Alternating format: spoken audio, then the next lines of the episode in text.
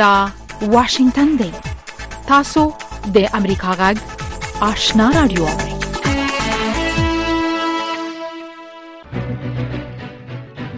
درنو اوریدونکو ستړي مشئ زه نام شابه آشنایم تاسو په روانه خبرونه کې د سیمه او نړۍ په اړه رپورټونه هم اورئ خو لمړی پام وکړئ د سیمه او نړۍ خبرونه ته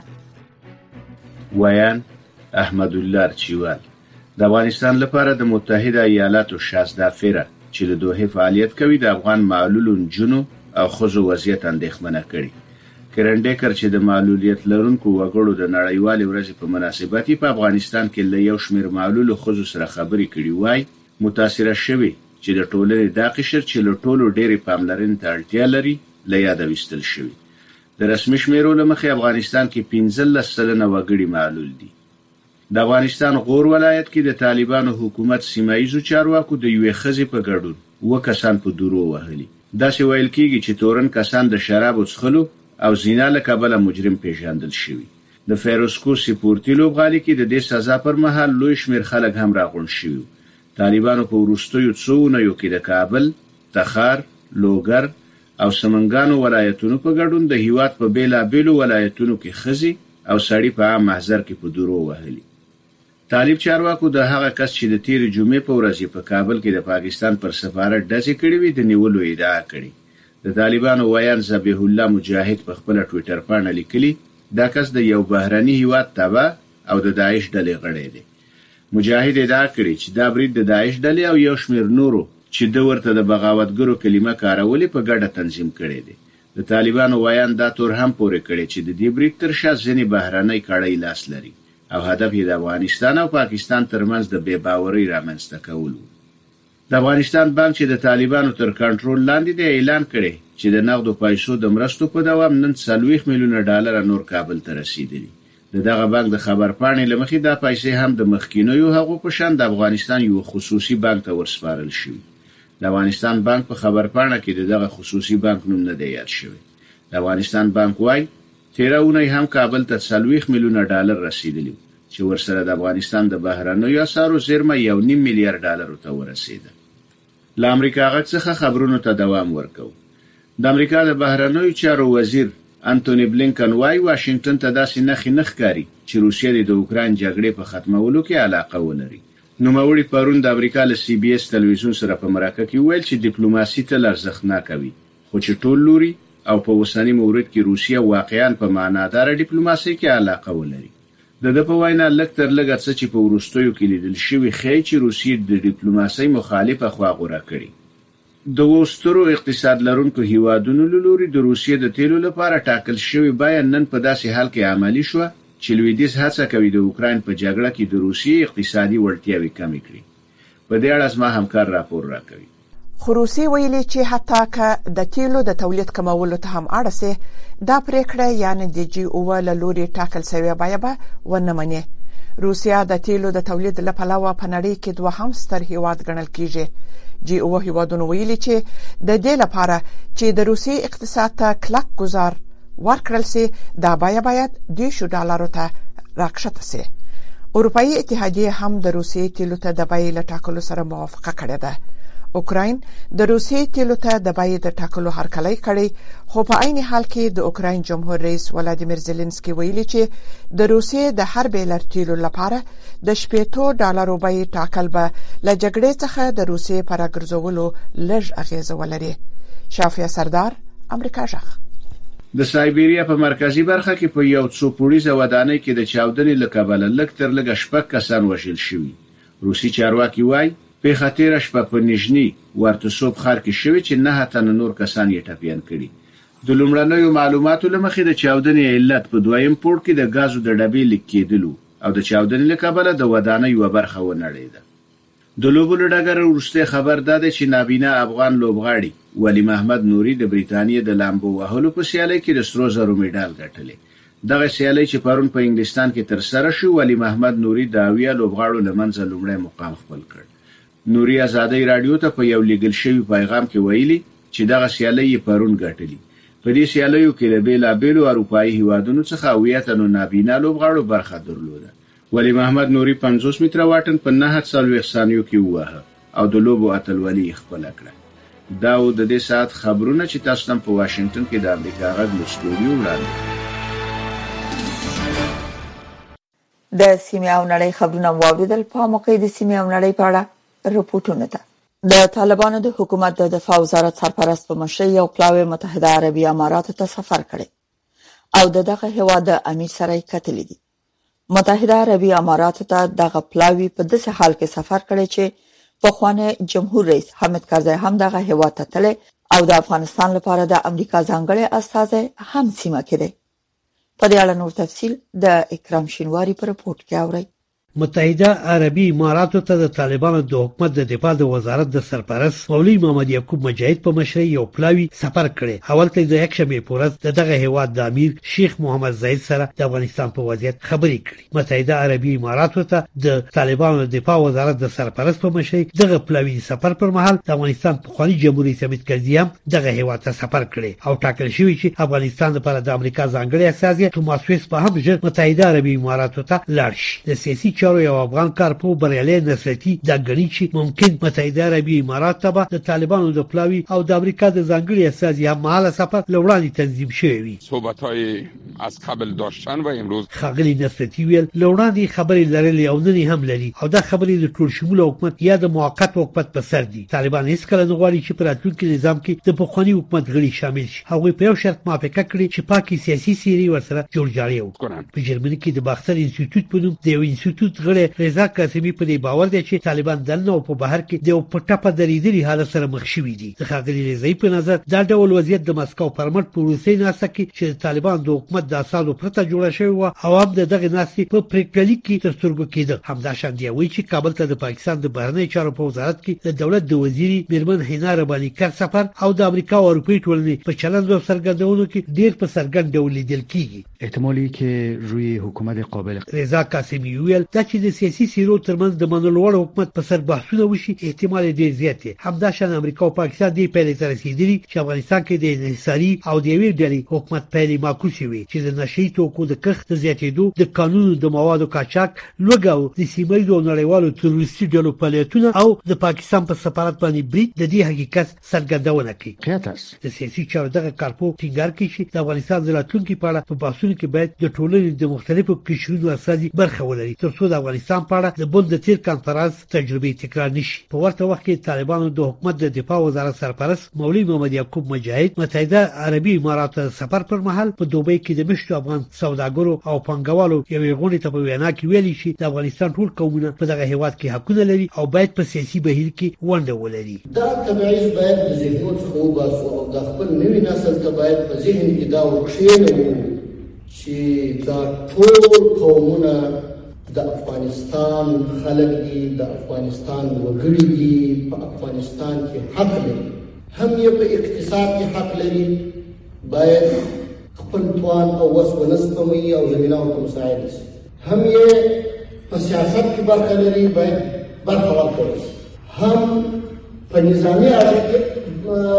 سهم لري باید و دې وطن ته خدمت وکړي د وطن څخه دفاع وکړي د هیڅ چا پر مخ باندې دروازې نه دي تړل شوي هر افغان ورور چې غواړي په هر معنا په یو بخش کې خدمت وکړي هغه کولای شي چې خدمت نو ان شاء الله موږ به ودې ته کار کار کوو کوشش وکړو چې دا زمينه نور هم مساعد شي د سیاسي چارو یو افغان کارپو طارق پرهدي دغسې لیدنې کتنې د افغانستان په ګټه ګڼي او په دې باور دی چې د افغانستان منزوي کېدل د هیچا په ګټه نه دي. اګر افغانستان در انزوا قرار. ښاغلي پرهدي وویل، که چیرې افغانستان د انزوا سره مخ شي دا به د هیچا په ګټه نه وي، په ځانګړي ډول زیان یې د افغانستان خلکو ته رسېږي. په ورته وخت کې ټاکل شوې چې افغانستان لپاره د امریکا ځانګړی استازی توماس ویس جاپان او هندستان ته د خپل روان سفر په پای کې په روانه اونۍ کې متحده عربي اماراتو ته هم لاړ شي ښاغلی ویس د خپل ټویټر په پاڼه لیکلي چې د دغه سفر په ترڅ کې به د کوربه هیوادونو د چارواکو سره د لیدو کتو ترڅنګ په متحده عربي اماراتو کې د مشتو افغانانو سره هم د افغانستان په بشري او اقتصادي وضعیت خبرې وکړي توماس ویس تیره ورځ د جاپان څخه نوي ډیلي ته رسیدلی او ټاکل شوی چې د دوشنبې په ورځ به د هندي چارواکو سره د افغانستان د وضعیت په اړه سلا مشورې وکړي انتظار پای ته ورسید ترنو لیدونکو او اوریدونکو تاسو کولی شئ د امریکا غا ټلویزیونی او رادیوي خبرونه د یاسات ساتلایت له طریقو وګورئ او واورئ د نوي ساتلایت لارې تاسو د آشنا اتصال او کاروان ټلویزیونی خبرونه کتلای هم شئ د امریکا غږ د افغانستان څنګه خبرونه په 309 پټ چنل او د آشنا رادیوي خبرونه په 309 پټ چنل کې اوریدلای شئ لملتیا مو د تل پشان مننه تاسو زموږ غږ د واشنگټن د سټډیو نه اورئ په افغانستان کې د طالبانو ویاند زبی الله مجاهد ویلي په کابل کې د طالبانو ځانګړو ځواکونو هغه کس نیولې چې د تیرې جمعې په ورځ د پاکستان په سفارت ډزې کړې وي خاغلی مجاهد ادعا کړې چې نیول شوی کس بهرنۍ او د داعش غړی دی د پاکستان د بهرنیو چارو وزارت هم ویلي چې په حمله کې د داعش د لاس لرلو په اړه معلومات ټولوي نور حال د شهناز نفیس پر رپورت کې د طالبانو ویاند د نیولې شوی بهرني تن په اړه نور معلومات نه دی ورکړي ویان زیاتوي د پاکستان په سفارت حمله زکه شوه چې بهرني لاسونه د افغانستان او پاکستان ترمنځ بے باوري پیدا کول غواړي خو نوموړي د چانوم نه دی اخیسته او دا ابهام څه کوم دا د افغانستان د طالبانو ته وده ورکوي ولس افغان طالبان یو عسکري قوت ته هغه سیاسي قوت جوړیدل نه غواړي د بنیاد باندې الزامونه لګون ډیر آسان دي خو الزامونه ثابتول څه کوم دا افغان طالبانو ته ګرانه ده د اوسنۍ حمله پړه داعش خراسان ډلې منلې ده د یادې ډلې په اړه د امریکا کانګرس ته د معلوماتو ورکولو یو اداره سي آر اس په خپل وروستي ریپورت کې وایي چې داعش خورانسا نږدې سلور زره وسله وال لري دا ډله د 2015 کې د پاکستانی طالبانو نه جلا شوو وسلوالو جوړه کړې و او تر هغه وروسته د پاکستان او افغانستان ترمنځ فعالیتونه لري د فنسینګ چې کوم دی نو هغه هغه خلکو د پردې چې هغه قانون مني څوک چې ترخګر دي او څوک قانون نه مني مسله وال دي او بیډ هاکس دي هغه خو فنس چې کوم ځای د پاره څه ډېر لوی مسله نه ده فرض کو دومره خپل کې منس کې دغه ته ګیپ وی د پوسټونو ترمنځ چې دې باندې داسې گشت کول او داسې یعنی دغه کول یقیني کول چې دې باندې وسوک تیر راتیر نشي دا نشي کېدی د دې ډلې لومړی پاکستانی مشر د حافظ سعید په نوم یادېږي هغه ورسته نورو پاکستانی او افغان وسلوالو د ډلې مشري کړې خو زیاتره وسلوال د پاکستان د اورګزو سیمې اوسیدونکو دي د کانګرس رپورت وايي پاکستان په افغانستان کې د طالبانو بریا د خپلې سیمایي تګلارې لپاره ګټه بللې خو وايي د طالبانو واک نورو ډلو ته هم حوصله ورکړې ده پاکستان کې درنه اندازې نه پاکستان په خپل اندازې په کار چې غدار کې کپاسټي پیدا کی چې دلته د ترخګرو چې کم دغه دی دلته عملیات کوي یا دلته بریدونه کوي یا دلته خودکش حمله کوي هر څه چې کوي چې دا غي مخنیوي وکي پاکستان کې دنه دا غي پاکستان سیستم داسې پکار دی چې ټول مخ کې غي ته پتو لګي او بل دار چې کوم روټ ته یا جړه د کوم ځای کې هغه جړه هم ختم وروړي د افغانستان سره نږدې د پاکستان په سیمو کې د زیاتیدونکو حملو په اړه د پاکستان یو پخوانی پښتون جنرال طارق خان میډیا ته دا هم ویلي چې پاکستان لا پکار دی چې افغانستان کې دننه د پاکستانی کډوالو په کیمپونو حمله وکړي د یا جنرال په فکر وسلوال دغه کیمپونو کې اوسېږي کانګرس ته ورکړل شوی ریپورت وایي چې داعش د طالبانو لپاره یو دښمن دی او وایي افغانستان کې کېدونکې پیښې د گاونډیانو لپاره هم نتیجه لرلی شي شیناز نفیس امریکا غږ واشنگټن د امریکا غږ آشنا رادیو درنو اوریدونکو تاسو کولای شئ د امریکا غږ آشنا رادیو خبرونه په منځنیو څپو 1290 او 902 کیلو هرتز او لنډې څپې 11515 باندې واوري د امریکا غاک آشنا رادیو نه د سیمې او نړۍ په اړه رپورټونو ته ادامه ورکوم لویدیزو هیوادونو په اوکراین کې د روسیې جګړه وحشي بللې اوس چې سوړ ژمی پیلیدونکی دی، داسې ښکاري چې کرملن غواړي د اوکراین پر ډېرو مهمو تاسیساتو بریدونه زیات کړي. لویدیځ قدرتونه په دې غور کوي چې په څه ډول د روسیې د تیلو صادراتو ته خنډونه پیدا کړي، خو مسکو د دې هڅو مخه نیولې. د امریکا غږ خبریال آرش عرب اسدي په دې موضوع رپورټ رالیږلی دی چې ستاسو پام یې د پښتو ژباړې اورېدو ته راګرځوم. په خرسون ښار کې د درنو چاودنو وروسته ډزې هم وشوې د اوکرين په دې جنوبي ښار باندې حمله چې پوره د روسیې په اشغال کې د هغه وخت زیاتې شوې چې د اوکرين پوځ یې څو ونې مخکې د بیرته نیولو خبر ورکو ساحوي طبي کارکونکو د غسړي درملنه کوي چې نیم کوریا وران شوی دی په خرسون ښار کې چې اوس د هوا حالت د کنګل درجه ته رسیدي خلک برېښنا تودوخه او اوبه نه لري دوی خپل موبایلونه چارجوي او د موقتي سرپناو له ځای د انټرنیټ سره وصل کیږي. د شاته تګ په حال کې روسي ځواکونو په دې ځای کې ډیره ابادي د خاورو سره خاورې کړې ده، خو اوکراینیان وایي دوی د برېښنا د سټیشن یوه برخه بیرته فعاله کړې. د لویدیځ ځواکمنو هیوادونو په اوکراین کې د روسیې د جمهور رئیس ولادیمیر پوتین دا ډول تاکتیکونه غندلي دي. هغه هڅه کوي چې حتی سوړ ژمی د وسلې په توګه وکاروي، رڼا له منځه یوسي، تودوخه بندوي او د اوکراین خلک په تورتم کې کینوي او دا سړه هوا چې د څو میاشتني ژمي پیل دی، دا عمل ډیر بې رحمانه دی.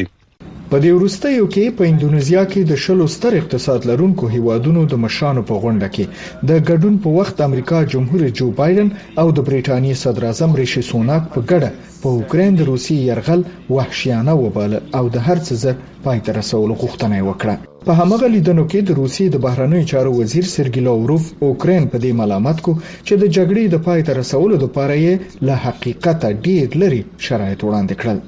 د تیرې اونۍ په وروستیو کې د جي سیون یا د اوو سترو صنعتي هیوادونو او اسټرالیا په یو ګډ دریځ کې د روسیې د تیلو په یو بیرل د شپېته ډالره بیه کیښودله ترڅو په دې ډول د روسي تېلو د مخنیوي له لارې په کرملین نوی فشار راوړي چې د اوکراین څخه ووځي. د رویټرز خبري اژانس د روسیې د صدراعظم د معاون الکساندر نوواک په قول لیکلي، ماسکو به که هر څومره مجبور شي چې تولید کم کړي، بیا به هم هغه تېل ونه پلوري چې د لویدیځ د محدودیتونو لاندې دي. بلخوا په شپږو اروپאيي هیوادونو کې د اوکرين سفارتونو او قونسلي ادارو تیر اونۍ خبر ورکو چې دوی ته د سې زړه بوګنونکو بستي رسیدلي چې پکې د حیواناتو سترګې خودل شوی او په اسپانیا کې پولیسو په ماډرید کې د امریکا په سفارت کې یو داسې مشکوکه بسته ومندله چې برید ګڼل کیږي خو روسیې رد او غندلې چارواکي وایي دا بم د تیرو څو نورو رالیږل شوو بستو یوه قضیه ده چې د پلازمینې ماډریډ شاوخوا موندل شوي او یو یې د هسپانیې صدراعظم پدرو سانشیز ته په لاره د انتقال په وخت کې نیول شوی اسپانوي چارواکو تر اوسه د مشکوکو کسانو هویت نه دی څرګند کړی خو د عامه تاسیساتو شاوخوا یې امنیتي څار زیات کړی په یوه بله قضیه کې د خط په پاکټ کې خودل شوی هغه بم وچاودېدو چې په ماډریډ کې د اوکراین سفارت ته لیږل شوی و په دې پیښه کې یو تن زخمی شوی. د اوکراین د بهرنیو چارو وزیر دیمتری کولیبا وویل د عمل تروریستي وو. د تیرو لسو میاشتو جګړې په اوږدو کې د اوکراین دننه او بهر څارونکو د روسیې د جنگي جنایتونو د پلټنو غوښتنه کړې. په خیرسون ښار کې د روسیې په وروستیو حملو کې چارواکو د توغندیو او نورو مهماتو یوه ډیپو جوړه کړې چې په راتلونکي کې یې ارزونه وکړي. روسیه وی دوی په اوکراین کې په ملکی خلکو حمله نه دي کړي ټول د حقایقو د پیدا کولو په لټه کې امریکا غږ په نړۍ کې د موثقو معلوماتو په برخه کې نړیوال شهرت لري امریکا غږ په نړۍ کې د ټولو لپاره د خبرونو باوري سرچینه ده خلک د نړیوالو مسایلو په حق له جامع معلومات غواړي او امریکا غږ دغه معلومات برابر د امریکا غږ آشنا رادیو یو موثقه معتبره او جامع منبع منځنۍ چپه 1290 او په 15 ښارونو کې اف ام 0.15 زمونږ غږ د واشنگټن د سټډیو ناوړي په جرمني کې ناقانونه افغان کډوال لا رواني رنځونو کړي په جرمني کې چې ګڼ شمیر افغان کډوال میشت دي او ډیره برخه یې هغه تنکي زلمیان دي چې په ناقانونه توګه دغه هیواد ته دننه کیږي ګڼ شمیر د کډوالۍ ستونزو په رواني ناروغیو اخته کړي دي نور جزئیات په رپورت کې د افغان کډوالو هغه ډله چې جرمني ته د رارسیدو یې تر یو کال ډیره موده کیږي خو لا هیڅ برخلیک نه دی معلوم وایي د تیر یو کال سرګردانۍ او بې سرنوشتۍ ډیر ملګري په رواني ناروغیو اخته کړي دي د دوی په خبره که څه هم د درملنې هېڅ ډول اسانتیا نه لري، خو له دې سربېره ګڼ ځوانان نه غواړي ځان وښيي چې ناروغ دی او دې چارې د ډېرو ژوند ستونزمن کړی دی. دلته خو چې موږ راغلي یو، موږ داسې خلک ولیدل، دا افغانان مو ولیدل چې د دغه تکلیف د لاسه، د رواني تکلیف د لاسه نشه یان هم شوه او زیات یې داسې جرمونه وکړل چې زندان ته لاړل، زیات یې داسې جرمونه وکړل چې خپل ځانونه یې په چاقوګانو ووهل، دغه یې هم ډېر خراب کړل. نن ټول د دغه تشویش، د دغه رواني تکلیف نه ټول عقیده ورته جوړ دي. نو دا خو ساده خبره دی باندې خو موږ ټول وینو چې افغانان خو ټول دا دا تکلیف لري خو دلته موږ موږ په منو نه او زیاتره تا ته په پته زیاتره افغانان وایي چې مثلا زه دا تکلیف نه لرم خو ټول لري ما یو وخت یو کیسه وکړه چې موږ هلته کرکټ کوو زمونږ یو ملګری دی دوه وال کوه کاله کېدل نو زموږ دې په ځای چې موږ سره ودرېږي را لاړه بل ټیم سره دا خپل رواني تکلیف دی خو تر اوسه ډاکټر ته نه دی تللی دوی چې په قاچاقي او غیر قانوني لارو جرمني ته دننه شوي دي د یو شمېر درې او څلور کلونه هم په لار تیر شوي خو وایي چې جرمني کې هم ورته انصاف نه رسیږي او کلونه کلونه بې سرنوشته پراته وي چې نه کار کولای شي او نه هم آزاد ژوند چې همدا یې د رواني ناروغیو لامل ګرځي واقعیت دا مشکلات چې وینو دا کورنۍ ستونزې نو خوندې ورونه پلا خوشي د راسي دلته دلته بیا د اسناد مشکلې بیا د ګوبلاین مشکلې مخامخه سره د افغاني تکلیف پیدا مشکلات ډېر دي د همدې ښار په یو څنډه کې مو افغان ډاکټر پیدا کړ چې کلونه په کمپونو کې د افغان کډوالو درملنه کړې ده بیا وایي چې ګڼ ورتلونکي ناروغان یې په رواني ناروغیو اخته دي، خو په خبره یې چې افغانانو کې لا هم د دې خبرې ښکاره کول شرم ګڼل کېږي. هغه کسان چې د افغانستان په څېر له یو جنګ ځپلي هېواد څخه راځي، په سلو کې اتیا فیصده خلک یې رواني او روحي تکلیفونه او ژور خفګان لري. همدغه ناروغي نورو ناروغیو ته یو بانه جوړېږي. د همدغې رواني ناروغي تر فشار لاندې دوی ډاکټر ته مراجعه کوي. امراض روحي رواني مراجعه میکنند له کلونو راهیسې له افغانستان څخه ګڼ ځوانان په غیر قانوني لارو جرمني او نور اروپا ته د دننه کېدو هڅه کوي چې یو شمېر د سختو لارو او نورو ستونزو لامل ژوند له لاسه ورکوي او پاتې راغلي کلونه کلونه بې سرنوشته پراته وي چې زیات شمېر یې د فشارونو له امله له رواني ناروغیو رنځېږي. کابل دی که زابل تخار دی که هرات په ټول افغانستان کې د امریکا غږ آشنا رادیو منځنۍ چپه 1290 اف ام 100.15 رپورټونو ته ادامه ورکو د پولیو قرباني ابراهیم اوس نږدې 10 کلن دی او د لېسانس تر کچې زده کړې په بشپړېدو دي، خو د بل له مرستې پرته یې د ژوند چارې ناشونې دي او له همدې امله د کمۍ احساس کوي. ابوبکر علیزي پرې رپورټ رالېږلی. د ګوزڼ ناروغۍ له امله نورو ته اړ ابراهیم اوس خواوشا دېرش کلن دی. د امریکا غږ سره په خبرو کې وايي، دوه کلن و چې ګوزڼ وواهه او له هغې وروسته یې ژوند له کړاوه ډک دی. په خبره یې کورنۍ ورته پر وخت د پولیو واکسین نه دي تطبیق کړي چې له امله یې اوس معلول دی. دی وایي له هغې ورځې چې ګوزڼ وهلی د نورو محتاج ژوند تېروي او ښوونځی یې هم داسې لوستی چې د کورنۍ نورو غړو به تر ښوونځي رسوه. لومړیو کې خو مشکلات دا و چې ماشوم ما ماشوم خو ګرځېده غواړي زه ګرځېدلی نه شوم جګېدلی نه شوم ټیټېدلی نه شوم مور سره په پازاب وه د هغې نه وروسته بیا په ډیر دم دا واو دا وی او یو څو بل څه خو شیم پیدا ونه کړل به ټیم راغی چې لغړ شوم د مکتب دوره مې شولا چې مکتب کې ځان داخل کړم مکتب دورم ډیره سخته د ابراهیم په خبره هغه کارونه چې روغ خلک یې په یوازې ځان کوي یو معلول کس یې نشي کولی ځکه معلول کس نشي کولی چې په یوازې ځان ان له کوره هم بهر شي زموږ د خپو د وجه ډېر کارونه دي چې هغه زموږ نه پاتې دي ځکه چې موږ بل له محتاج یو که موږ سره دویم کس نه چې یا سر سیکل دی کوي یا هم یو ځای نه بل ځای انتقال کی هغه کار چې ځان لکیږي او اوس موږ دوه کسانو باندې کو او ژوند سخت دی نو مولودیت ژوند دی سخت دی دغه په پرتله باندې چې څوک په صحت جوړي پر یو شي کې کورنۍ له محتاج بغیر د کورنۍ څخه نشم کولای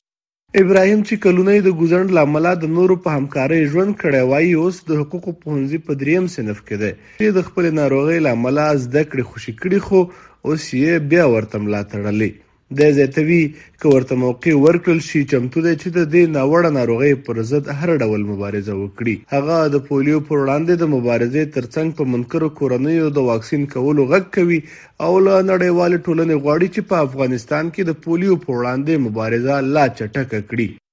که چېرته د پولیو سره په مبارزې کې له وظیفه پیدا شي یا د کار کولو د خواهش څوک وکړي، هغه مدعي چې کار ورسره وکړي. په کورنیو تر مې پیغام دا دی چې زما غوندې خلک وګورئ او د هغې نه سبق زده کړئ او د هغې نه خوند واخلئ. نړیواله ټولنه مې غږ دا دی چې د ګوزن ضد یا د پولیو د ناروغۍ په باره کې له افغانستان سره هر راز مرسته او همکاري او کومک وکړي. مومند له شته حکومت او نړیوالو ادرسونو غواړي چې معلول ته دې هم لکه د روغو خلکو غونتې دندې ورکړي، ځکه ګڼو یې لوړې زده کړې کړي. دی وايي چې که ورته د کار زمینه برابره شي، د ټولنې له اوږو به یې د پالنې بار کم شي او په خپل لاس ګټلې به وخوري. هغه وروڼه او هغه وګړي چې معلول دي او معلول شوي دي، هغو سره د دولت په ادانه کې موله وظیفه ورکړي او دا فرق یې ونه کړي چې روغ یو کس کار کولی شي او ناروغ یې نه شي کولی. موږ صرف معلول یو موږ داسې دغه نه یو تعلیم هم کړی دی او تکلیف یې مستلی. دا یوازې ابراهیم نه دی چې د ګوزڼ واکسین نه تطبیق له امله یې ژوند نیمګړی دی، ګڼ نور داسې خلک هم په افغاني ټولنه کې شته چې یوازې د دوه څاڅکي واکسین د نه کېدو له امله د ټول عمر معلول دی او رنځ وړي. ټول د حقایقو د پیدا کولو په لټه کې امریکا غږ په نړۍ کې د موثقو معلوماتو په برخه کې نړیوال شهرت لري امریکا غږ په نړۍ کې د ټولو لپاره د خبرونو باوري سرچینه ده خلک د نړیوالو مسایلو په حق له جامع معلومات غواړي او امریکا غږ دا معلومات برابروي د امریکا غږ آشنا راډیو